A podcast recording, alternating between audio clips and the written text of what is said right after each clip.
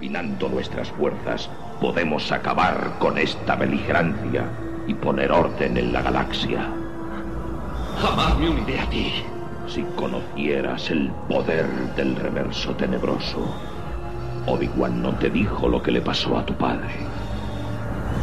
Me dijo lo suficiente. Dijo que tú le mataste. No, yo soy tu padre. Ninguna es perfecta.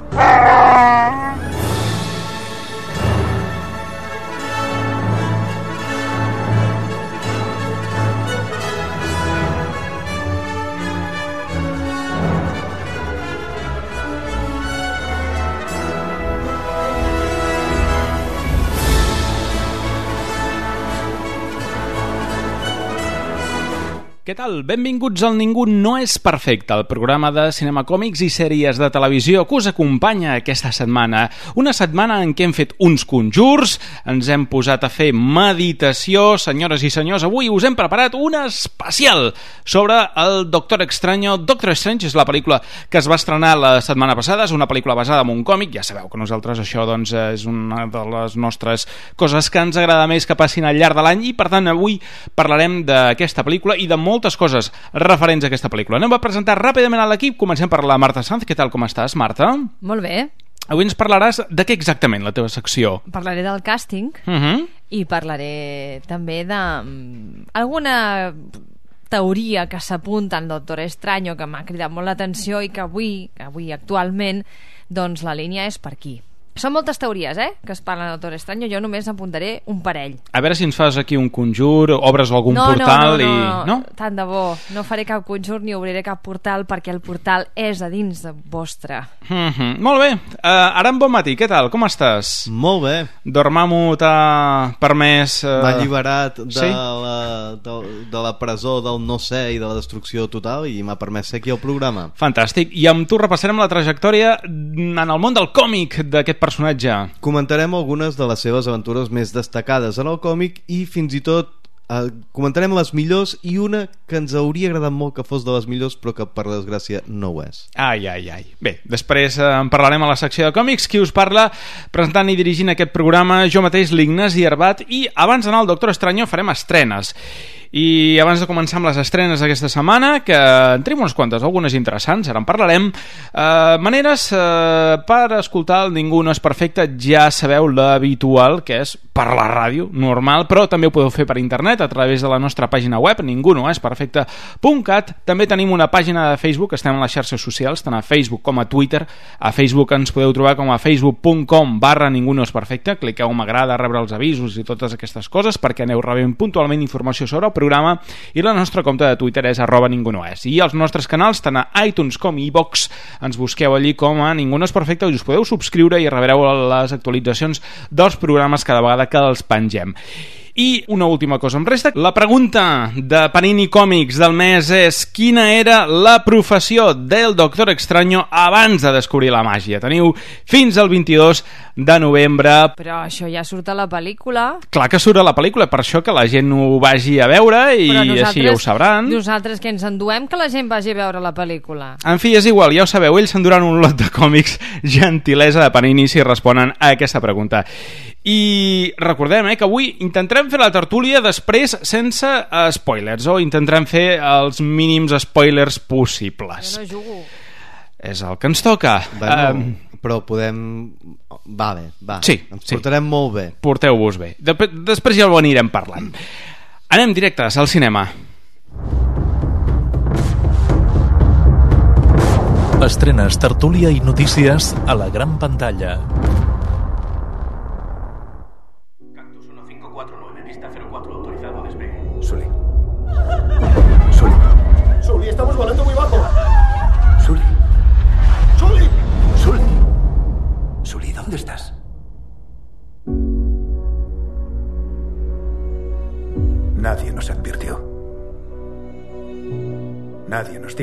Pararían los dos motores a la altura más baja de toda la historia de la aviación. Fue una doble parada de motor a 2.800 pies, seguida por un inmediato. I això és Sully. Clint Eastwood, als seus 86 anys, dirigeix aquesta pel·lícula, basada en el llibre escrit pel mateix protagonista, el capità, el capità Chaisel Sully Sullenberger, que el 15 de gener de 2009 va aterrar l'avió que pilotava sobre el mar i va salvar la vida de les 155 persones que anaven a bord. Al cap de poc d'enlairar-se de l'aeroport de La Guàrdia, els dos motors van quedar destrossats per un esbart d'ocells. Tom Hanks és el capità Sully, entre la resta d'actors i actrius també trobem Aaron Eckhart i Laura Linney. Després d'aquesta gesta, Sully es va convertir en un heroi nacional, però tot seguit començaria un drama que afectaria la seva reputació i carrera. Aquesta és la pel·lícula número 35 d'Eastwood, que porta retirat de la interpretació, a causa de la seva edat, des de que el 2012 va protagonitzar Golpe d'Efecto. ¿Qué es eso?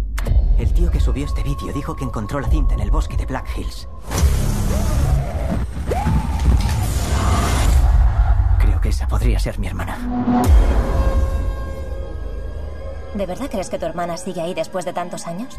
Si hay alguna posibilidad de averiguar qué le pasó, necesito intentarlo. La leyenda cuenta que este bosque está maldito. ¿Creéis en las historias sobre la bruja de Blair? Oh, Dios mío. I aquesta setmana ens arriba Blair Witch. Adam Wingard és un dels valors en alça del cinema de terror actual gràcies a les, a les alabances entre els fans del gènere, en els jo m'incloc, de les seves dues últimes pel·lícules, Tu eres el siguiente i The Guest. Així que en el moment en què es va saber que recuperava la saga El Proyecto de la Bruja de Blair, tothom va pensar que era per fer una cosa nova i sorprenent. Res més lluny de la realitat, ja que, a part dels pals de la crítica, va ser una de les decepcions més grans vistes a Sitges 2016. Blair Witch va rebre xiulets, cosa que, sí, sí, sorprèn bastant... Sí, perquè amb lo friquis que solen ser els espectadors de, de, i, i, i cinèfags, el que passa és que ens ho tragarem tot. a Sitges s'aplaudeix tot. Aleshores, quan hi ha una que xiula, o sigui, ha de ser molt dolenta. És que la cosa està fatal. La cosa està fatal, sí. Personalment mai em va agradar l'original. La considero una de les pitjors pel·lícules de terror de la història que va arribar on va arribar gràcies a una campanya viral dissenyada en un moment en què ningú sabia en què consistia això. Si algun mèrit li hem de donar a l'original és que va inaugurar un gènere, el fun footage, i ben mirat, vist la lleu de propostes semblants que s'han fet des de llavors, ha acabat sent un demèrit. Home, a veure... Això és com dir que el, el Dark Knight d'en Frank Miller és un demèrit perquè després els 90 es van empatar de, de còmics molt xungos i foscos i Però- motoristes fantasmes i castigadores. Però era un bon còmic, aquell. Sí. El que no es pot dir que fos una bona pel·lícula Projecte de la Bruja de Blair ja d'entrada. O sigui, Mm, també és veritat. Vale, concedeixo aquí, aquí aquest està, punt, aquí, és important. aquí està la diferència. Una cosa hi ha un punt de partida que curs- comercialment va funcionar, estava molt bé, el còmic aquest, però en aquest cas la pel·lícula ja no, no comença amb, amb bon peu. La pel·lícula, la que veurem aquesta setmana, es va rodar en el més absolut secret i ningú sabia que el projecte anomenat Debuts era en realitat la continuació de la saga. Wingard i l'estudi van guardar el secret. Sorprenentment, sorprenentment no va haver-hi cap filtració i es va desvetllar en el moment previst, la Comic Con. La pel·lícula, desgraciadament, és una calca de la primera en estructura i contingut. Ha És de- una caca, has dit, de una, la primera? Una calca, allò, Ah, saps val. allò que fan els nens? O, Sí. eh, allò, val. Doncs això, adapta només les tecnologies actuals, és a dir, les càmeres són, són digitals i es fan servir drons, però el contingut és exactament el mateix. Tan sols s'allarga el temps que els protagonistes passen a la casa, ja que recordem que era el suposat plat fort de la primera i en prou feines durava 10 minuts. En aquesta ocasió, el germà petit de la noia, que va desaparèixer a la primera pel·lícula, torna al bosc molts anys després per rescatar-la. Més que una continuació, jo diria que és un remake innecessari. Realment, o sigui, no hi anirem. Senyores i senyors, benvinguts a la ciutat de la diversió i de l'espectacle més gran del món. Gran Tesoro. Aquesta nit, com tantes altres, molts infeliços ensegats per l'obsessió dels diners fàcils arriben a bord d'aquest vaixell. Això és One Piece Gold, la primera pel·lícula de One Piece que s'estrena en cinemes catalans, sobre un total de 13 pel·lícules produïdes des de 1999. One Piece és un manga de Chiro Oda, però sobretot és coneguda gràcies a les emissions en el canal Super 3 de la sèrie de Toei Animation, basada en el manga. En aquesta ocasió, Ruffy i els pirates del barret de palla s'enfrontaran amb Gildo Tesoro, qui governa un vaixell gegant reconegut com una nació independent anomenada Gran Tesoro. La pel·lícula ha estat dirigida per Hiroyaki Miyamoto, que realitza la seva primera pel·lícula de One Piece. Part de l'equip de la producció es va desplaçar fins a Las Vegas per documentar-se sobre els casinos per crear la ciutat flotant de 10 quilòmetres de la pel·lícula. Jo és que el tema One Piece ja em toca una mica de lluny. Me l'he mirat algun capítol, eh? Esclar, és que- I no havia acabat de trobar el tema. Tu i jo som de la generació Bola de Drac. Sí. Després va arribar la, la de One Piece i, clar, diguéssim, aquí són dos generacions, una més gran, l'altra més joveneta, Bé, però... esperem que les noves generacions els hi agradi No, les noves generacions estan pel Yokai Watch. Ja qui hagi estat al Saló del Manga eh, aquest cap de setmana sabrà que Yokai Watch eh, te l'han enxufat per tot arreu. Sí, sí, sí, sí. Uh, tornant al One Piece, al Saló del Manga vaig veure un paio mm, amb una edat, jo crec, aproximada a la nostra, vestit de One Piece, de, bueno, d'en Ruffy. Per tant, això de generacions jo crec que depèn. Sí, però és veritat que amb certa edat, o sigui, a vegades o continues o t'hi allunyes una mica, no? De, depèn de... A nosaltres per infantesa ens va tocar més potser l'efecte aquest de, de, de bola de drac, no? I l'altre ja ens va agafar de més grans. Sí, sí, sí. Més que res perquè aquí també les sèries tarden a arribar, va sortir un 99 al Japó, però aquí devia arribar doncs, ja passats els anys 2000. Segur. O sigui, De tota manera, jo vaig sentir més a parlar de Ben 10 que no pas de, de One Piece, no Bé, sé. no bueno, de Ben 10 sí que puc dir que és una caca. Vale. D'aquesta sí. No, millor, millor One Piece que, que és, és entretinguda. I vinga, acabem amb les últimes estrenes.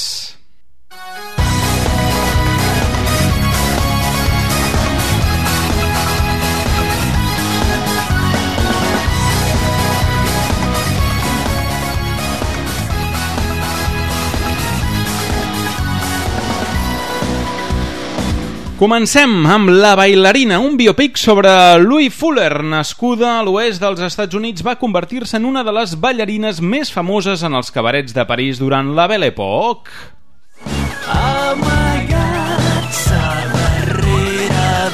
Seguim amb 100 metres, una història de superació sobre un home de 30 anys que pateix esclerosi múltiple. La protagonitzen Dani Rovira i Carra Elejalde. Ets un xungo de guardar aquesta pel·lícula a dins d'altres estrenes. I tant, i tant, El- teu estrenes. odi cap a les pel·lícules nacionals o, o espanyoles és una no, cosa... Jo vaig a buscar el que interessa al públic d'aquest programa. Però si que aquesta és, pot estar a la mar de bé. No sé, ja te la regalo, ja t'ho dic ara. És Rocky a l'espanyola. Ah, molt bé, endavant.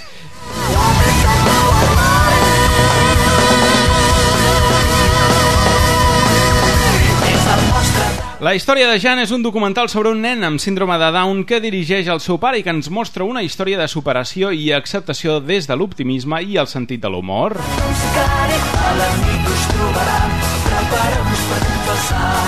Acabem amb Gràcies Patró, un documental franco-belga que a l'estil Michael Moore denuncia la precarietat que l'empresari Bernard Arnault, propietari de multinacionals com Louis Vuitton o Kenzo, sotmet als seus empleats. No sé. Ostres, Sí, jo he perdut una mica de fe, eh? En què? En els documentals així estil Michael Moore? Sí. Bé, suposo que hi ha una mica de tot, no? A veure... No sé, no sé. En tot cas, si hi ha un empresari que fa això, em sembla molt bé la denúncia. En fi. Has posat One Piece abans que un documental de denúncia de precarietat d'un... Aquest I programa... abans que una eh, pel·li amb en Carra Elejalde i en Dani Rovira. Això, No ho entenem. això és el Ningú no és perfecte. Toqueu de, pes, de peu La a línia, la línia editorial d'aquest programa a vegades em deixa una mica sorprès com la del país. Aquí, eh? per davant de tot, el terror, el fantàstic, la ciència-ficció i el manga. Vinga, dit això, ara sí, comencem a fer el conjur... Com ho diu, no? Pel llibre de Vishanti. Som-hi, endavant.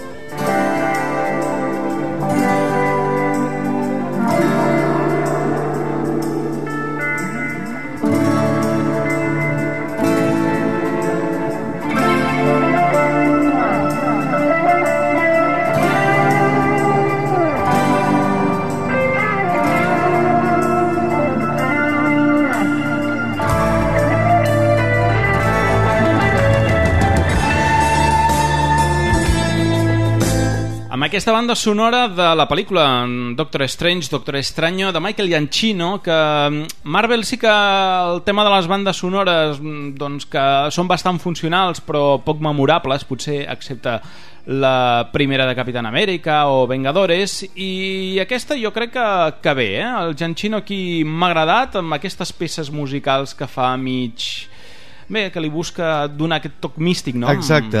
Potser també en el cas del Doctor Extraño era una mica més senzill, però ha sabut trobar el to adequat per la pel·lícula. Sí, fa servir instruments que normalment ni ell ni altra gent fa servir, se sent el clave, toca aquest tipus de d'instrument una mica més eh, que tra transporta cap a aquest món bueno, místic, bé, no? És rococó, no? Sí. Tots aquests instruments són barrocs. Més barroc, exacte. És una banda sonora barroca i amb un toc potser oriental, no? Sí, Perquè, sí, o sí. ens recorda a nosaltres com a occidentals un to oriental. Segurament els orientals estarien en desacord, però com que tenim la nostra perspectiva és el que hi ha. Sí, de fet és una barreja una mica de, de diferents conceptes d'aquests musicals, no? I ho ha barrejat tot en aquest producte i bé, a mi a mi m'ha agradat, eh? Vull dir, mira que de les bandes sonores de Marvel jo sóc una mica així, rufo una mica el nas, però amb aquesta crec que, Mm, que bé. Ens ha agradat. Sí, està molt bé.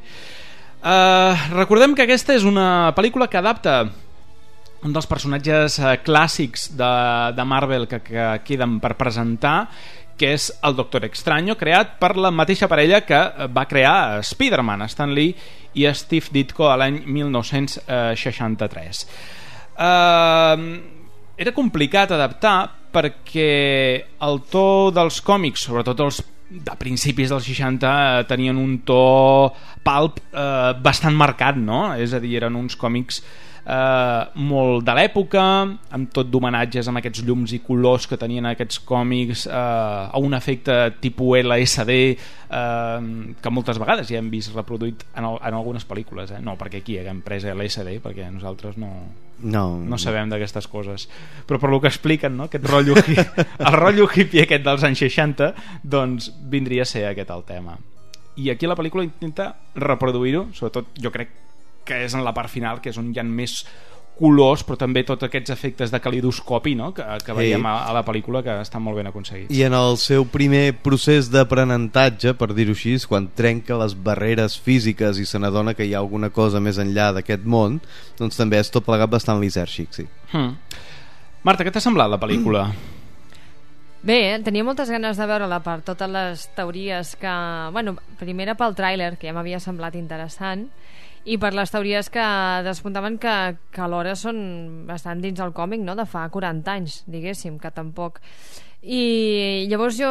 60 és del 63 O sigui, més de 40 anys. sí, sí, sí 50. Sí. Sí. Bé, doncs eh, aquestes teories que m'ha m'ha agradat molt perquè com a mi m'agraden aquestes coses, diguéssim, doncs eh, he anat fent comparativa amb el que estic llegint últimament o que estic escoltant els experts que, que van explicant, no?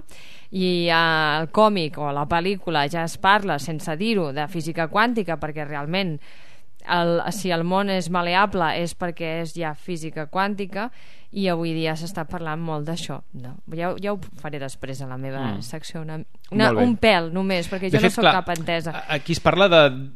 Fins ara potser havíem vist Clar, aquest però- univers multidimensional, havíem, amb altres mons, o aquí en aquest cas Però- t'està parlant de dimensions que conviuen en el nostre però mateix univers en diferents plànols, tu no? les veus per un treball teu amb la teva consciència i això és el que es, es parla avui dia que el treball és teu amb la teva consciència i a partir d'aquí perquè fixeu-vos que al principi eh, el Doctor Strange no pot no pot accedir a aquest, a aquest no pot fer aquelles formes, obrir portals Perquè no, no hi creu d'entrada. perquè no, no, perquè té l'ull que dirien aquests, no? els, els eh, hindús, que aquest ull que tenim aquí eh, al front, no el té obert, o sigui, és un xacra de fet, no? El que, Sí, exacte. Perquè es parlen de xacres, Sí. es parlen d'acupuntura, me fa molta gràcia, es parla molt per sobre, eh?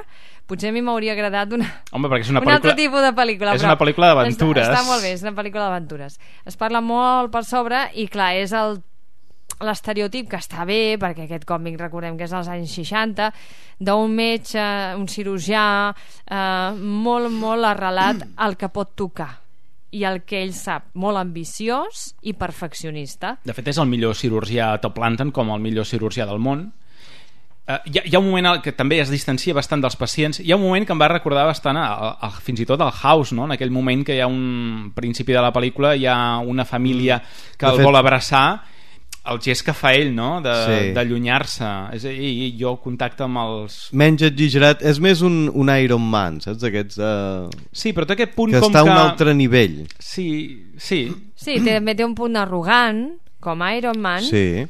I, però, clar, és una persona... No el justifica. tampoc té molt amics no, no té gaires amics No, tan- però alhora és, està vol, sol és, el- vol ser el número 1 és impossible que pugui tenir molts amics si el, el, el metge que té més proper al matxaca i l'humilia Mm. a la primera de torn té una relació amb una altra doctora però també és una relació intermitent que, que, no va enlloc que la pro protagonitza la Rachel McAdams que per cert aquesta setmana és el seu aniversari. Home, doncs felicitats a part ens nostra. n'alegrem. Sí, doncs a mi m'ha agradat, és una pel·lícula que combina potser amb un equilibri bastant desigual el que és tot el treball de, mm, diguem-li, màgia, per mi és una altra cosa, energia, mons, eh, el multiunivers, no?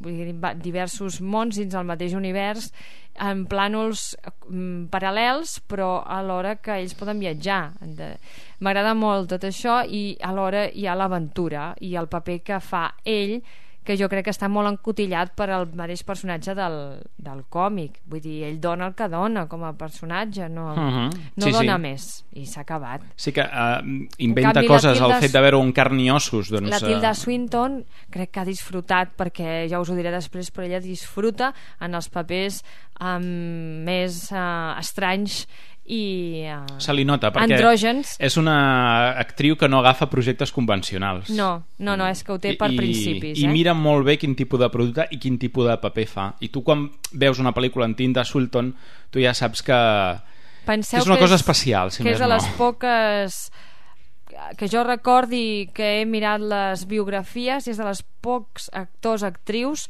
que ha participat com a jurat en tants de premis l'agafen molt de jurat per la, per la, la, jo crec que el seu criteri és molt tingut en compte Uh -huh. Bé, um, tornem a Doctor Extraño, la pel·lícula.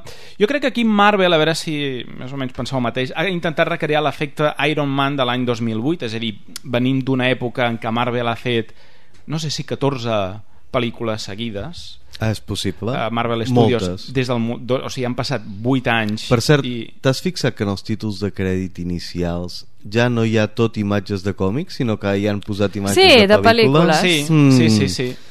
El món del còmic està ja o sigui, és tan secundari És que avui en dia potser es produeixen millors pel·lícules Marvel que còmics Marvel.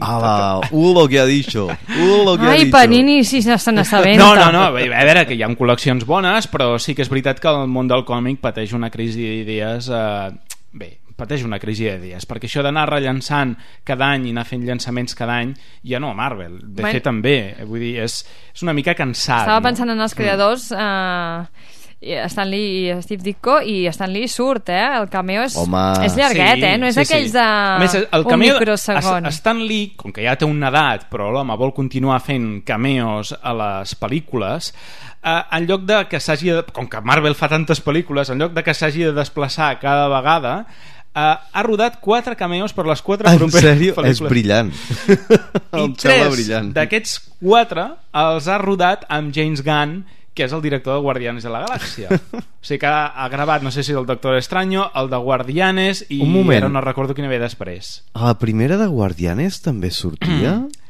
Sí, sí, sí, que surt, Mm, sí. ara sí no me'n recordo, Sí, però sí, surten sí. Al, al principi, quan estan el, el Groot i, el, i, el, uh, i el Rocket en el, en el planeta aquell, surt ah, Stan Lee sí, allà. sí, sí Mm. Que rescata algú que li està a punt de caure sí, a sobre sempre sí. rescata algú, sempre està a punt de caure-li coses a sobre. Doncs... En aquesta ocasió està llegint un llibre sobre, no sé si és filosofia o... Sí. algun- està llegint um, Les puertas de la... no sé Ciència què ficció, poder, no? Aldous No? Huxley Filosofia Mm. Bé, el que dèiem, que Marvel jo crec que una mica ha volgut tornar als orígens després de tantes pel·lícules i fer una pel·lícula eh, senzilla, que ens recorda bastant a la manera de funcionar d'Iron Man. Jo crec que la pel·lícula funciona pràcticament igual. Vull dir, a mi les dos m'agraden molt, aquesta també, i les intenta diferenciar, malgrat que potser el viatge de les dues sigui bastant semblant.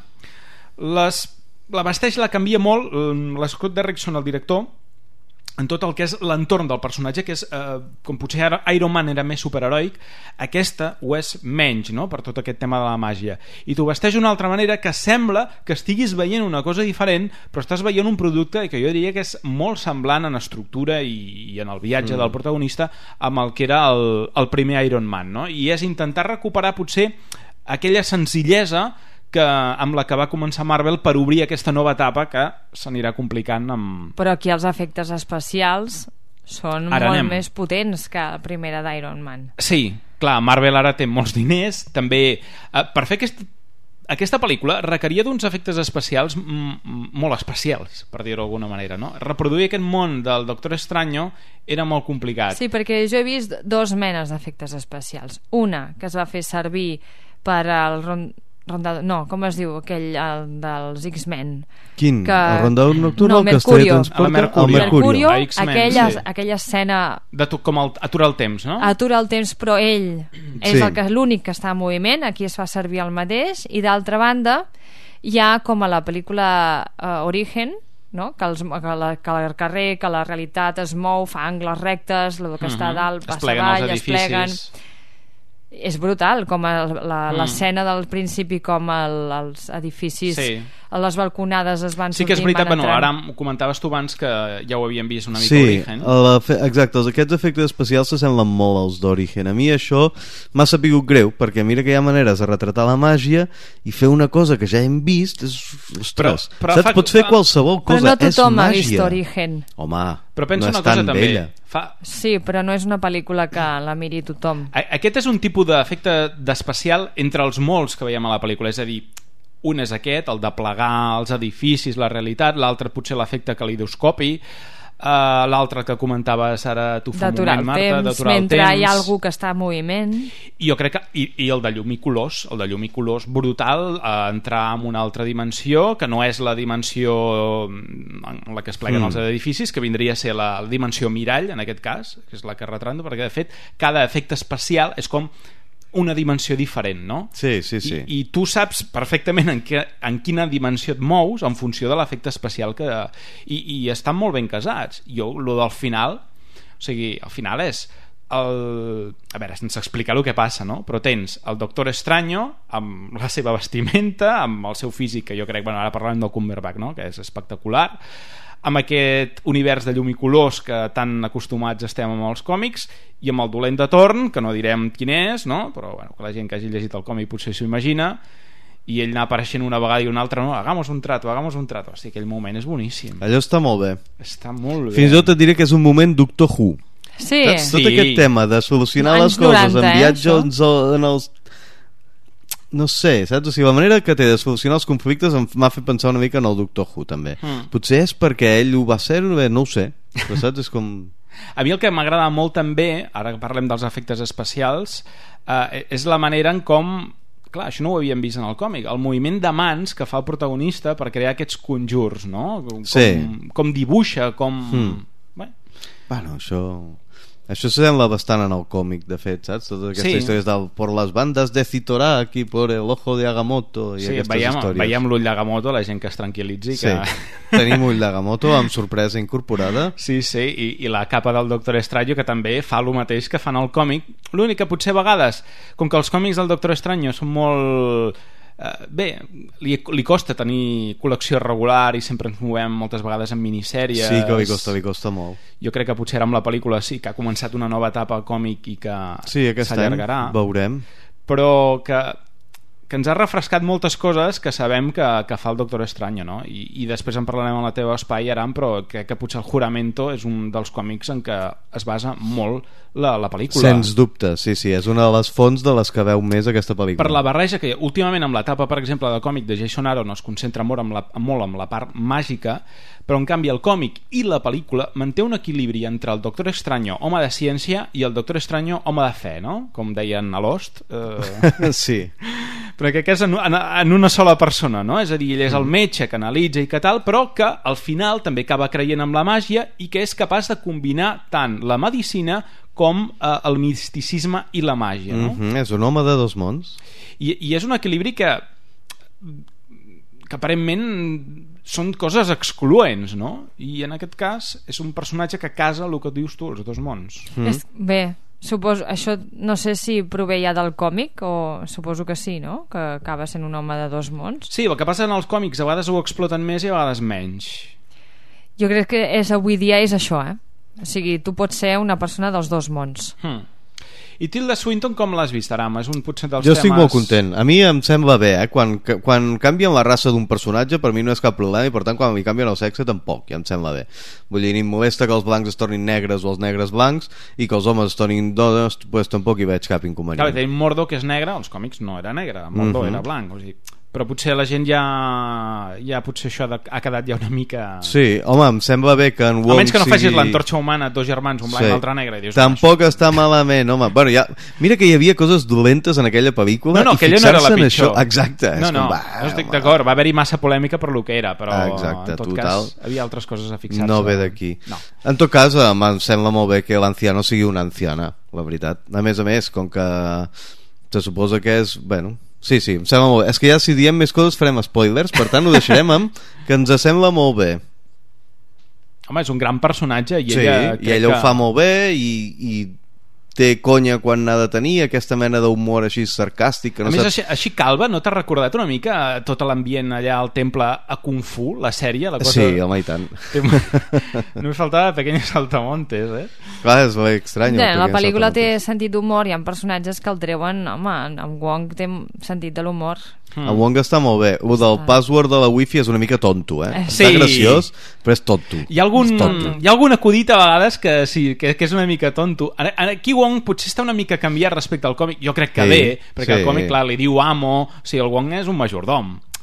Ja, si Mm. Iron Man, Tony Stark no té majordom, tampoc tindria massa sentit que... És que avui dia Exacte. aquests, aquests mm, valors s'han d'anar Per això, refrescant, jo crec que, eh? i aquí Wong és un bibliotecari, ell té la sí, seva biblioteca a més, mística. un bibliotecari amb un sobresou de perill, de perillositat, perquè Mhm. a l'anterior mm, Sí. va patir lo seu. Però és més Sí. que un bibliotecari, eh? Perquè llavors... Sí, eh, és un bibliotecari que llegeix llibres, a més, que això ja és el més que pot haver-hi.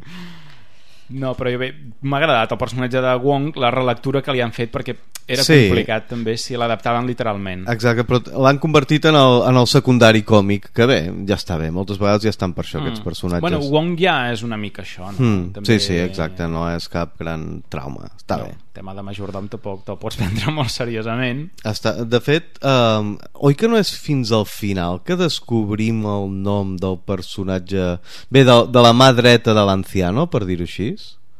Uh... Sí, jo dic, bueno, no ben bé cap al final, però Al final, avançat, quan dic no? al final, vull dir al final dels títols de crèdit i tot. Que, uh, mm, hi han dos escenes postcrèdits. Sí, Recordem n'hi ha una gent... al final del final del final. Sí, l'última de totes. Tot bon seguidor de Marvel no s'aixeca del No, cine no, no, fins no. que no s'acaben tots els crèdits. No, no. Que quedi clar. Hi ha gent que encara no ho sap. Hmm. Diguéssim que la primera empalma amb una, una pel·lícula de Marvel que veurem l'any vinent i l última escena ja seria de cara a una segona part de, de Doctor Estranya, no? I, bueno, la gent es quedi Mm. ben bé fins al final Exacte. a, a veure què passa. Um, I del director, Scott Derrickson, la direcció, que us ha semblat en general? El fet de poder crear aquesta pel·lícula... Bé, eh, de fet, eh, quan hi ha tants i tants efectes especials, costa una mica saber fins a quin punt el director ja ha tingut massa res a veure o fins a quin punt dirigeix sobre pantalles verdes, saps?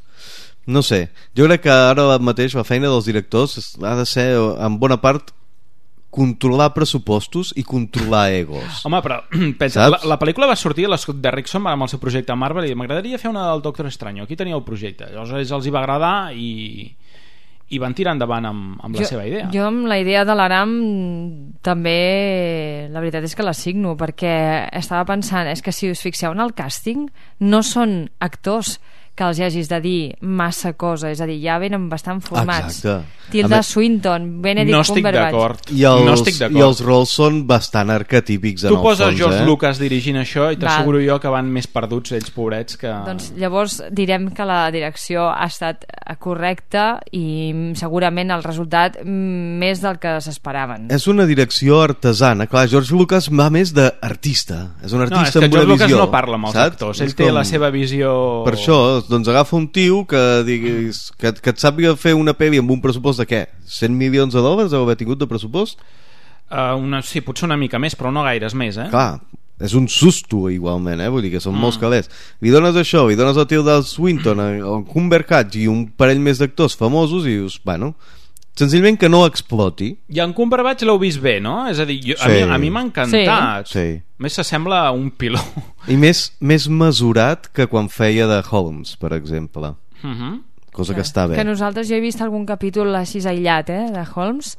És Ah. una sèrie que tenim Sherlock, pendent. Sherlock. Ai, de Sherlock, sí, sí, A, mi, Sherlock. a mi el que m'ha agradat és que li han posat les canes del Sí. Doctor Estranyo perquè avui en dia que estem en, en una època de modernó que tot s'ha de rejuvenir i que han de ser tot adolescents i el fet de que, no, no, tenim el Cumberbatch que és un actor jove, però te'l faig més vell posant-li canes, hòstia, a mi m'ha encantat I això segur que a ell també li agrada. Sí, no? Sí, jo crec que sí.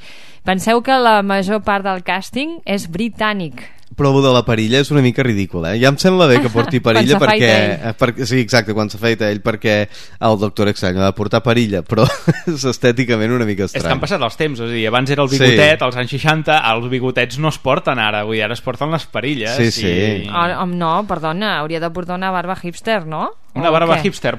I va haver-hi un temps que portava uns bigotis d'aquells d'Àngel de l'Infierno que et baixen Sí. fins a baix de la barbeta, Ah, que sí, eren sí. supergruixuts. Perdona, com- però la barba hipster la porta durant gran part de la pel·lícula, també. Sí. Sí, però Exacte. no és de hipster, és de... Brotejar una de mica. brotejar, Ah, que sí. no, no és de hipster? No, això no és hipster, ah, Ignasi. jo- Els hipsters van molt ben pentinats i vestits i fan olor de crema o de colònia. Ai, molt bé.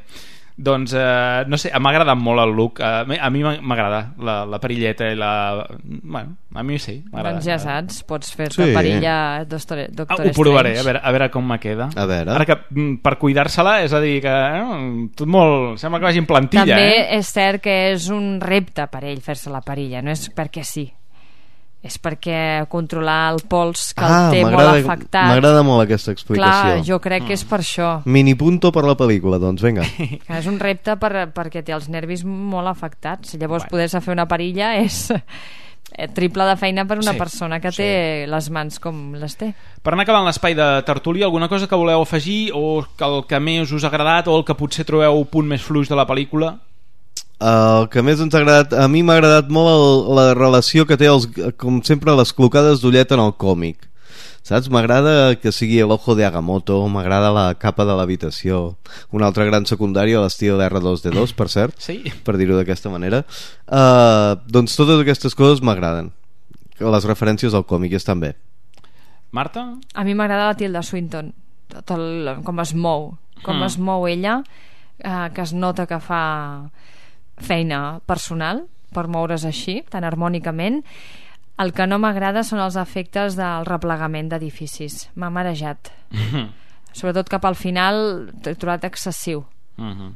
amb la persecució i tal. A mi el que més m'agrada potser és la, la part final, l'últim terç de la pel·lícula, amb la combinació d'acció, efectes especials, coreografia, aquests moments així Doctor Who que té... Bueno, a mi m'agrada molt això i potser bé, jo crec que potser és un defecte que és eh, que no hi havia més remei que és que els secundaris són molt secundaris és a dir, aprofundeix molt amb el protagonista principal i la resta doncs els veiem allà però ens hagués agradat saber moltes més coses d'ells però que evidentment no hi ha temps Dels, dels bons o dels dolents? de tots. Del, dels dolents potser és el que menys sabem, eh? perquè en Calicius... Poc, no sabem res. Passava per allà.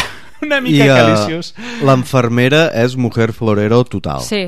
Però total, eh? La infermera no, la doctora. La La doctora, doctora. perdó. Imagina't, ja Que- li has ja. posat... O que hi ha un moment que hi ha un moment a la pel·lícula Sí, que surt sí. el tema i dic, no, no, que sóc doctora, ella diu, Clar, no? clar. Ojo, eh? Però bueno, vull dir que és ridícul, o sigui, només està allà perquè veiem que en Doctor Extraño primer és molt cruel i després ja és més bona persona. Mm. Però ja està. compleix la funció de, més per ell que no pas per, per crear un personatge per ella, no? Sí, és, exacte, Fet abans era així, ara sóc diferent, és... Bueno, No torna- sé. I quan torna el Doctor Extraño sense preguntes ni res, a tornar-lo a ajudar, està només per donar-li un cop de mà quan el necessita i quan no, pues, Mm. desapareix. Per això a mi m'hagués agradat una explotació una més ja dels dolents per començar i també una mica de la resta de personatges més secundaris no? però vaja, eh, no es pot tenir tot està clar. En fi Marta, anem per lo teu ens expliques una mica el càsting i les teves teories?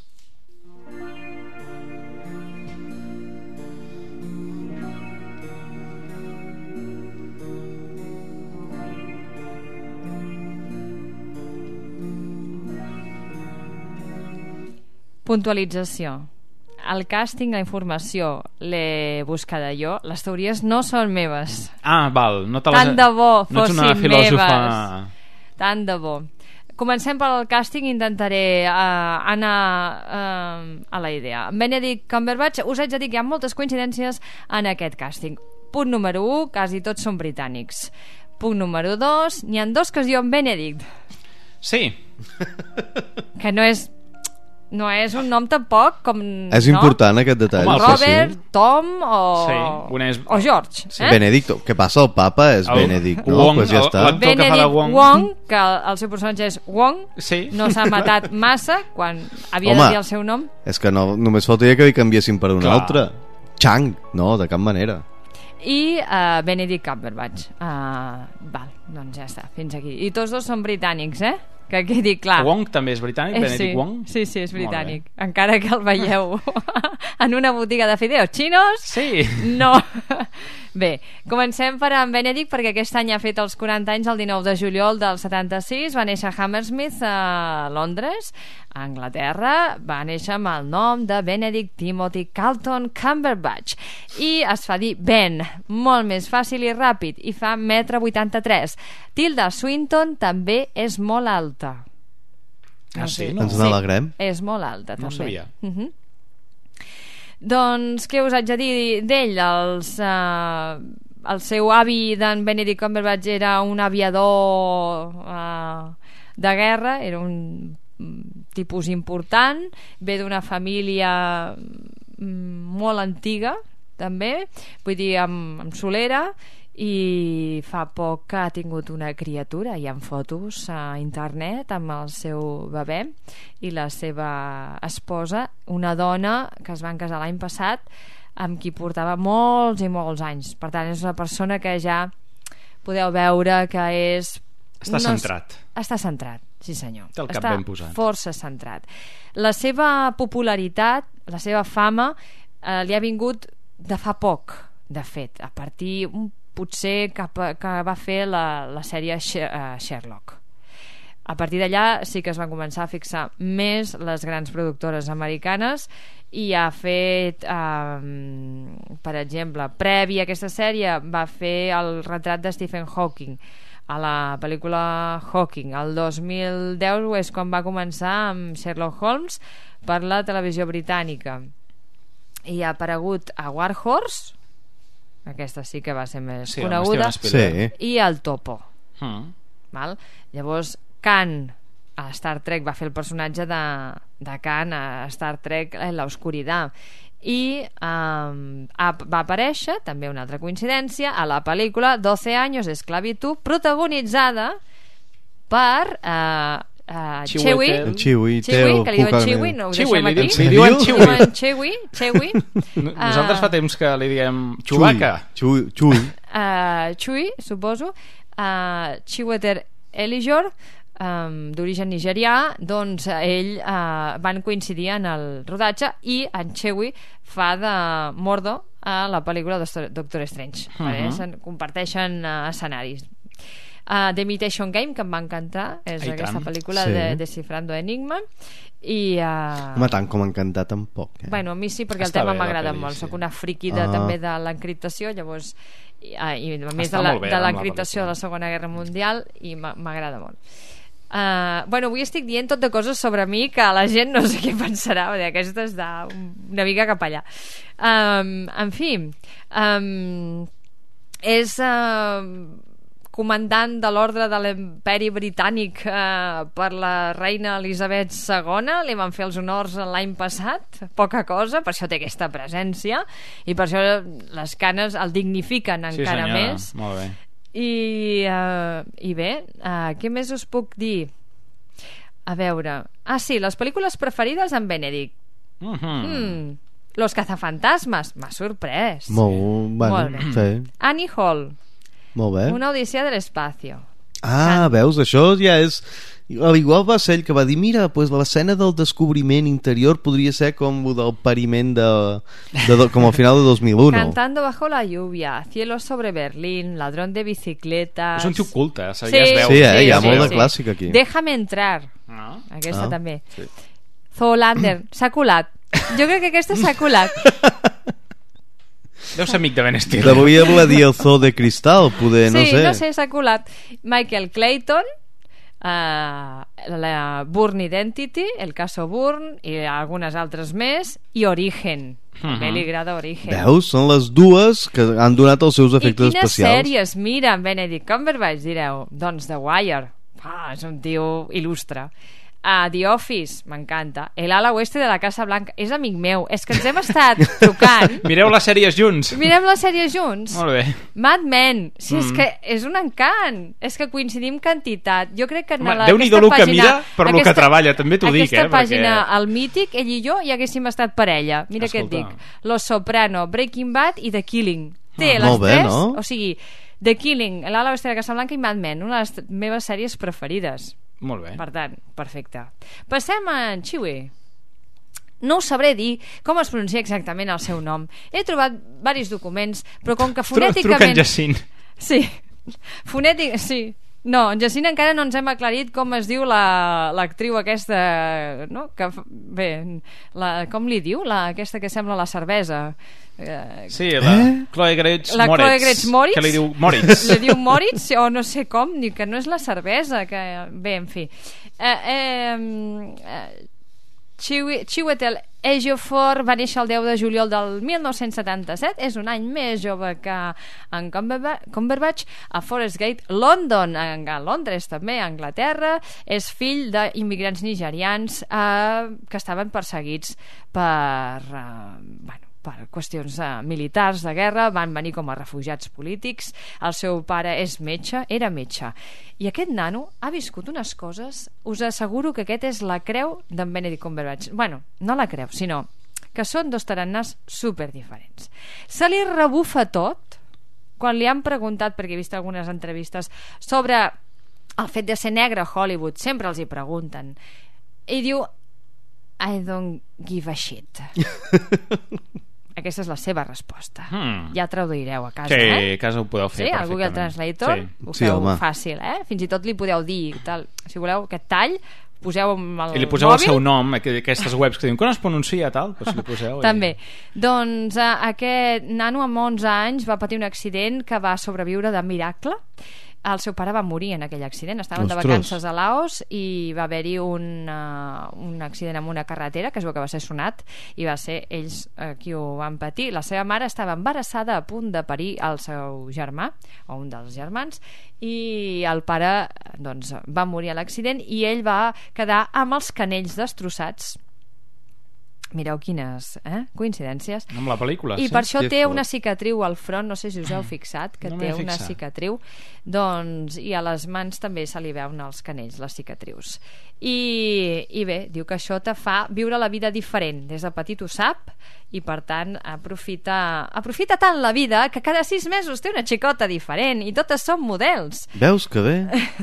i no sé, perquè he buscat informació? I fins fa no massa era una model canadenca, blanqueta com la neu i pèl roja la seva xicota. Però és que ara és una bruneta eh, així és mig cafè amb llet maquíssima, Eh, clar, totes són molt guapes, que tampoc en Chiwetel tampoc és que sigui un sex símbol, en fi, no sé. Vull dir que té una vida super diferent al seu al protagonista de, de la pel·lícula és un home de teatre um, ha fet molt de teatre ha rebut premis, el van veure però jo no me'n recordava a uh, uh, Children of Men, Los hijos de los hombres Mhm. American Gangster Talk to Me mm, bé, uh, no sé ha fet Otelo amb Iwan McGregor uh, li agrada tot aquest Em tema penso que aquesta pel·li era una merda. Otelo, segurament Sí, sí, Iwan no, no es descarta. I uh, no sé té... i bueno, va fer el paper de Solomon Northup a 12 anys Sí, fer d'esclavitud és on es va fer més fa- sí, famós, diguéssim, eh? perquè fins a llavors No sí que havia fet ningú. coses però exacte, i quines són les seves pel·lícules preferides? preferides Toro Salvaje, El Padrino, Fargo Muerte entre las flores, Haz lo que debas és diferent Fantàstic, però Sí, també. també Home, és, una bona, és una bona també. selecció. Fantàstic també.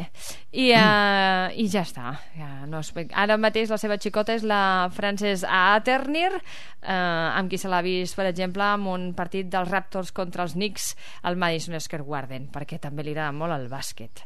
Um, bé, en fi. Què més? La Rachel McAdams. Sí? La Rachel McAdams eh, uh Mhm. -huh. tinc poc temps m'estic estenent Sí. bueno, em sap Bueno, greu. va néixer eh, el 17 de novembre un dia després meu amb uns anys poquets de diferència eh, a Canadà eh, London, Ontario, Canadà Ah, és però és, diu eh, IMDB Ah, bé. és canadenca. Rachel Ann McAdams eh, es diu Rach i fa 1,63 m, com jo. Ens assemblem molt.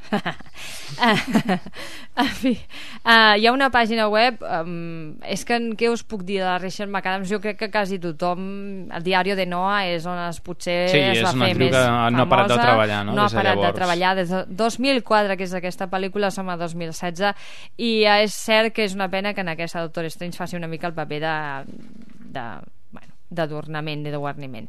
Però ja Ah, veuràs, tindrà oportunitat per créixer el personatge, això és Marvel, vull Bé, dir... l'hem vist a True Detective també, fent Sí. de policia més dura. Hmm. Uh, L'he vista amb pentinats super diferents i hi ha una sèrie que uh, hi ha una pàgina web que ha fet tot un recull que diu 11 raons per les quals odiem Rachel McAdams, odiem entre cometes perquè ho han fet dones i per què l'odien? Doncs home, perquè ha fet com de parella d'Auto Strange uh, Sherlock Holmes amb en Robert Downey Jr. feia també la seva parella uh, el diari de Noah doncs uh, tenia Ryan Gosling uh, The Bow que aquí no sé, va en Channing Tatum també es feien un petonet Va, molta enveja, molta enveja. molta enveja, Mm. mira i, en fi passem amb en Benedict Wong uh, m'agrada molt aquest home també té jo crec que fa una mica el que vol um, és de Manchester En sèrio? sí, és de Manchester deu estar content, no? Depèn si és del City o no. ah, Clar. no ho sabem No ho sabem. Uh, no sabem tampoc si és molt futbolero doncs uh, aquest home la, seva, la veritat és que la seva carrera és curteta uh, ha fet alguna cosa per la BBC Ràdio i sempre li donen clar els papers de en fi, Oriental. oriental, Clar, és que- Uh, que no hi ha gaire més no? Mm. Um, i, bueno, quin, ha fet de... ai, del... ostres ara no me'n recordo. És que ho vaig llegir uh, ahir. Um, ha fet una sèrie que es diu Kai Mei Sous uh, escrita per en Kevin Wong i, i és que ell fa d'un personatge històric uh, a veure si ho trobo. Bé, és igual. Ja a veure si ho trobo més endavant perquè ja us ho diré. Doncs uh, res, ell diu que sempre li, li donen aquests... Uh, bueno, també va aparèixer el, el The Martian Ah, Sí. un personal de la NASA potser. sí, sí? sí, No sí, sí, va aparèixer a la Mm. pel·lícula en Ridley Scott uh, fent algun personatge... Segur que és aquells secundaris que l'has vist a tot arreu i no... Pot ser? un que és enginyer? Pot ser, sí, sí. Pot ser. És Que aquell d'actor de la- que segur que l'hem Sí. vist a moltes pel·lícules Sí. però que no, Sí, sí, sí. no et sí. quedes amb ell. I que ha estat confirmat, no?, per fer el seu paper en el crossover d'Avengers Infinity War. Sí, sí, sí. Um, en fi... Uh, què més? I la Tilda Swinton, que ja està, l'únic que us puc dir és que agafa papers rars, estranys, um, fa metre 80, per cert, la Tilda Swinton, té uh, 54 anys. I, eh, Déu-n'hi-do, no? Sí, sí, sí, sí, sí. I va néixer a Londres, també.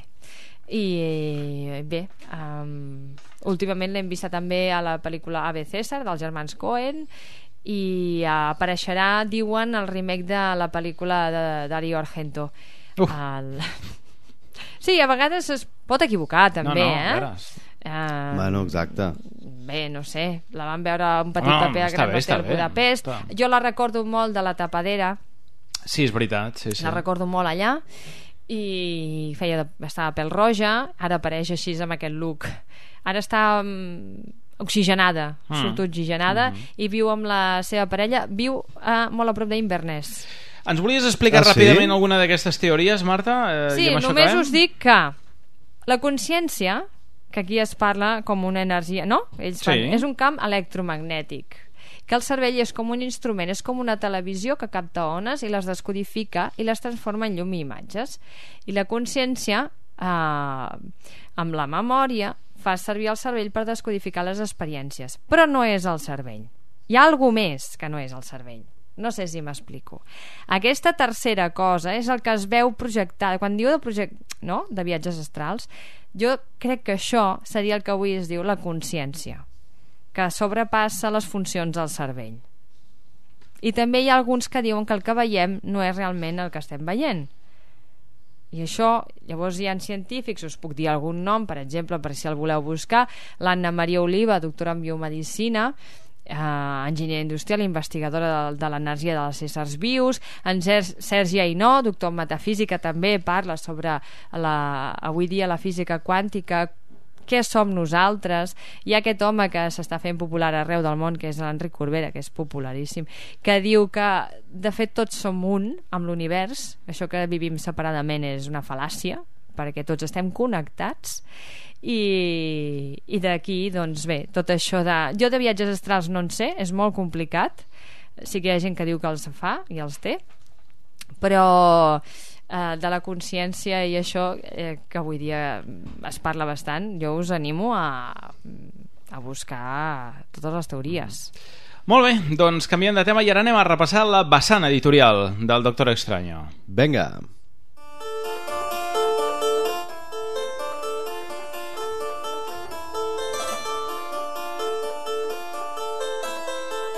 Ara, quan vulguis, mm, repassarem les històries més destacables o com ho fem, això? D'acord, doncs eh, repassarem les més destacables de totes aquestes que, han, que hem tingut al llarg del temps i sobretot les que han acabat sortint publicades en aquí, perquè són les que tenim més excessives, d'acord? Uh -huh. Ai, més, més accessibles.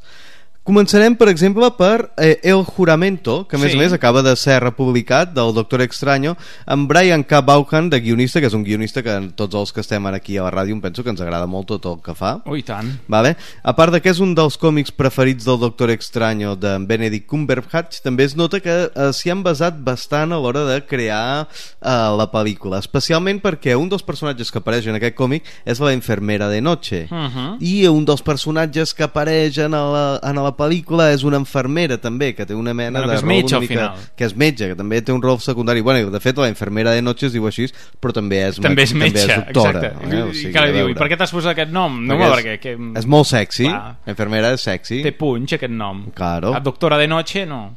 No, clar, jo doctor extraño s'hauria dit enfermero extraño no? I a més, aquest còmic té un sentit de l'humor que una mica s'assembla al de la pel·lícula. Exacte. El que no m'ha agradat gaire a mi d'aquest còmic és que a tot plegat és un gran MacGuffin de còmics, saps? O sigui, tot comença que han de buscar una Vixir i aleshores al final la Vixir queda destruït, saps? Que és allò, no sé... Clar, és que tu veus a veure al final perquè si no queda destruït... Exacte, saps? o sigui, és un d'aquests MacGuffins que saps que igualment al final eh, acabarà destruït o serà defectuós o qualsevol cosa, o sigui que no té massa Mhm. uh -huh. sentit.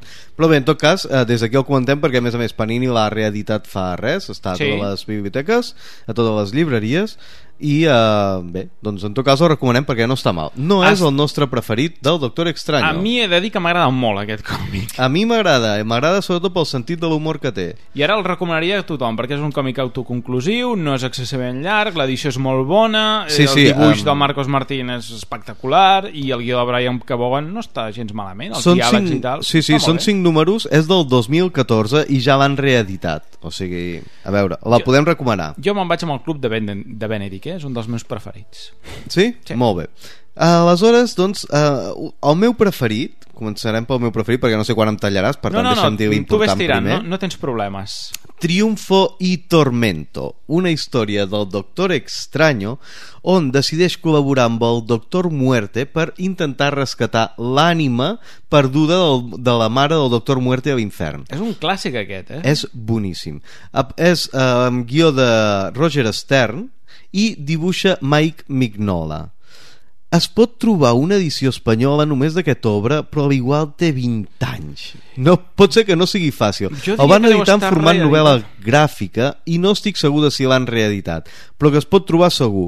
O sigui, realment, Doctor Extraño més Doctor Muerte, eh, arts així fosques, viatges a l'infern i dibuixat per Mike Mignola està molt bé. Jo sóc molt fan de les aventures on apareix el Doctor Muerte, ho haig de dir, per exemple, també m'agrada molt el còmic de l'Iron Man en què s'uneix amb el Doctor Muerte i viatgen a l'època del rei Artur, eh, també és una de les meves històries Mira, preferides. hi ha una edició de Panini, mm, però aquí posa la seva pàgina web que està esgotada de l'any 2013. O sigui mm -hmm. que Mhm. no m'estranyaria que l'acabessin reeditant d'aquí poc, eh? En tot cas, si algú pot fotre mà al Triunfo i Tormento, la història de dos doctors, del Doctor Muerte i del Doctor Extraño, per mi és del millor que hi ha de Doctor Extraño. Uh -huh. Què més tenim? Bé, aquí hem mencionat a Roger Stern, que és un dels guionistes que més ha ajudat a Sí. que el Doctor Extraño sigui un personatge popular. Tenim alguna cosa més de, Doctor de Roger Stern publicada aquí. Tenim un volum que es diu Marvel Heroes, que és un totxaken de 800 pàgines. Acaba de sortir, sí, sí. Vale? Que el recomanem... Home, segur que estarà I molt tant! bé Home, segur que estarà és- molt és bé Roger Stern. el que passa que és, és un d'aquests volums que queden la mar de bé posats en l'armari i Hmm. que per regalar però que per llegir no sé si és l'opció més pràctica exacte, i tenim per tant eh, podem optar podem quedar-nos aquest volum que ens quedarà a la mar de bé a la llibreria i aleshores si volem llegir alguna altra cosa de Roger Stern i el Doctor Extraño tenim La caïda de los vampiros que és un volum de, també de Biblioteca Marvel o de Marvel 100% Mhm. d'aquestes línies on el Doctor Extraño col·labora amb diversos superherois així una mica alternatius com la Bruja Escarlata o Blade o la Capitana Marvel per lluitar contra el personatge de Dràcula Dràcula, a part de ser un clàssic de la literatura universal, és també un personatge de l'univers Marvel que ha tingut diverses aparicions. Doncs en aquesta història de, també de Roger Stern, amb dibuixants com Dan Green i Paul Smith i Kevin Nolan, molt bons tots. Bueno, Dan Green no ho tinc tan clar, però Bueno, Kevin tant Paul sí, Smith no? com Kevin Nolan són bons dibuixants. És una minissèrie de sis números, està recopilada en castellà i eh, aquesta sí que la podem recomanar i a més a més és perfectament Ens llegible. recordes el títol? Sí, La caïda de los vampiros, també Molt conegut com Doctor Extraño contra Dràcula. Uh -huh. Fantàstic. És un títol d'aquests així una mica Enganxa, estrany. enganxa. Exacte. Què més tenim? Tenim, aleshores, si volem conèixer una mica els orígens, tenim el, el, el volum Doctor Extraño el Maestro de les Artes Místiques, que inclou tots els primers 50 números que van publicar Stan Lee eh, com a guionista i Steve Ditko com a dibuixant. Si et van els còmics lisèrgics dels 60, te'l recomanem. Home, a més és de l'equip creatiu del personatge, per Exacte. tant...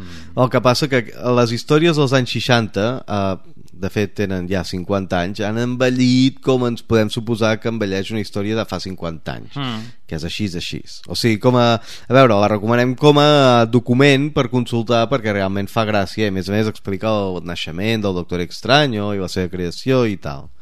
Però bueno, en tot cas recordem això, Roger Stern, eh, aquestes històries, Brian K. Vaughan, i en tenim algun més encara, per exemple, eh, tenim algun parell de còmics nous que també es poden trobar. El primer és Extraño, 100%, uh, volum 100% Marvel que es diu Extraño, de Principio i Fin. aquesta. no, l'ex- sí, sí, aquesta és la d'Extrazinski sis números amb l'Straczynski de guionista. Uh, som molt fans de Straczynski dibuixos de Brandon Peterson que també ens agrada molt, que va treballar a la de mm, amb Kurt Busiek a la sèrie aquella de la ciutat dels superherois Ah, sí, Astro City. Astro City i eh, ens, ens agrada molt eh, eh, les coses que fa Straczynski per tant el recomanem el que no podem recomanar tant i ens, és el que ens sap greu no poder A recomanar tant m'agrada, és com una mena de A reboot de Doctor Estranyo. Eh? És a dir, intenta reescriure, bueno, reescriure, posar al dia l'origen del personatge, no? Em va agradar, està molt bé. està bé perquè és la re- actualització d'aquest personatge que ja li tocava Sí, però molt ben fet, eh? Vull dir, el recomanem molt. En canvi, el que no podem recomanar tant, o almenys a mi no m'ha agradat tant, és el, també un volum 100% Marvel que es diu Extraño, ¿Quién és Stephen Extraño? amb Mark Waid de guionista. Ai, mira Aquest- que Mark Waid... Sí, per això ens sap greu no poder-lo recomanar, perquè en aquest, en aquest programa també som molt fans de Mark Waid, però la veritat és que l'únic que salva... Aquesta història no ens va acabar d'agradar, és un doctor extraño que ha perdut el seu manto de hechicero de les artes místiques i hechicero supremo, que ha passat a un altre personatge, em penso que era l'hermano Voodoo, Sí, en aquella època. exacte, i aleshores agafa una nova estudiant, és una història que es va quedar una mica perduda en el limbo perquè de l'estudiant també no en vam Sí. sí. saber mai més res i l'únic que podem salvar d'aquesta història són els dibuixos de Emma Ríos Uh -huh. i abans d'acabar, doncs, eh, comentar que tenim Doctor Extraño, ara mateix s'està publicant el Doctor Extraño, des del març d'aquest any el Doctor Extraño torna a tenir una sèrie regular, amb Jason Aaron de guionista i Chris Bacalo de dibuixant. I publicada aquí en grapa. Exacte, que s'està publicant en grapa. És el tercer volum de les aventures del Doctor Extraño i el tenim disponible aquí en grapa. Hmm. No sé si has pogut llegir alguna cosa, tu, d'aquesta etapa, o encara no... Encara has no, el estic das? esperant a que la recopilin. Ara s'està a punt d'acabar la primera saga, no sé si acaba el mes vinent.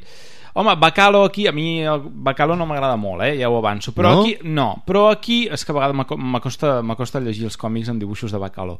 Però aquí trobo que una mica ja li va el personatge, eh? Per tant, Sí, no? no? Al Jason Aaron també li posa un sentit de l'humor que li queda bé, però a mi que et dic que m'agrada més el de el que va fer Brian Kevogan, eh? amb el personatge, que no pas aquesta etapa de Jason Aaron. Jason Aaron s'està convertint una mica en un autor tot terreny, Sí. perquè mira que ha arribat a fer coses diferents dins el Però mundillo. bueno, acaba de començar, eh? Vull dir, tot just encara no ha acabat la primera saga, per tant, esperem que acabi i després a veure com continua la història, no? Que encara és una mica aviat eh, dir quin serà l'evolució que tindrà aquesta sèrie. Exacte, haurem d'esperar encara una mica més. Uh -huh. Ja està, Aram? No tenies més? Oh, aquestes són les històries que a mi em semblen més destacables, la veritat. Uh, un parell de volums de Roger Stern, Vaughan, Straczynski i sobretot Triunfo i Tormento, busqueu-la. I molts d'ells els podeu trobar a les llibreries i biblioteques i coses d'aquestes. Per tant, en marxa. Nosaltres acomiadam ja el programa. Uh, Marta, Aram, ens retrobem setmana que ve, d'aquí 15 Setmana dies. que ve, i tant. Fins aquí 15 dies. I jo mateix també l'Ignasi Herbat fins la propera setmana i acabem amb música amb banda sonora de One Piece uh, Gold, el, un grup que es diu Glim Spanky i un dels temes de la pel·lícula que és Give Me Rage. Fins la propera setmana, ningú no és perfecte. 界のピンチを本気で感じて初めて本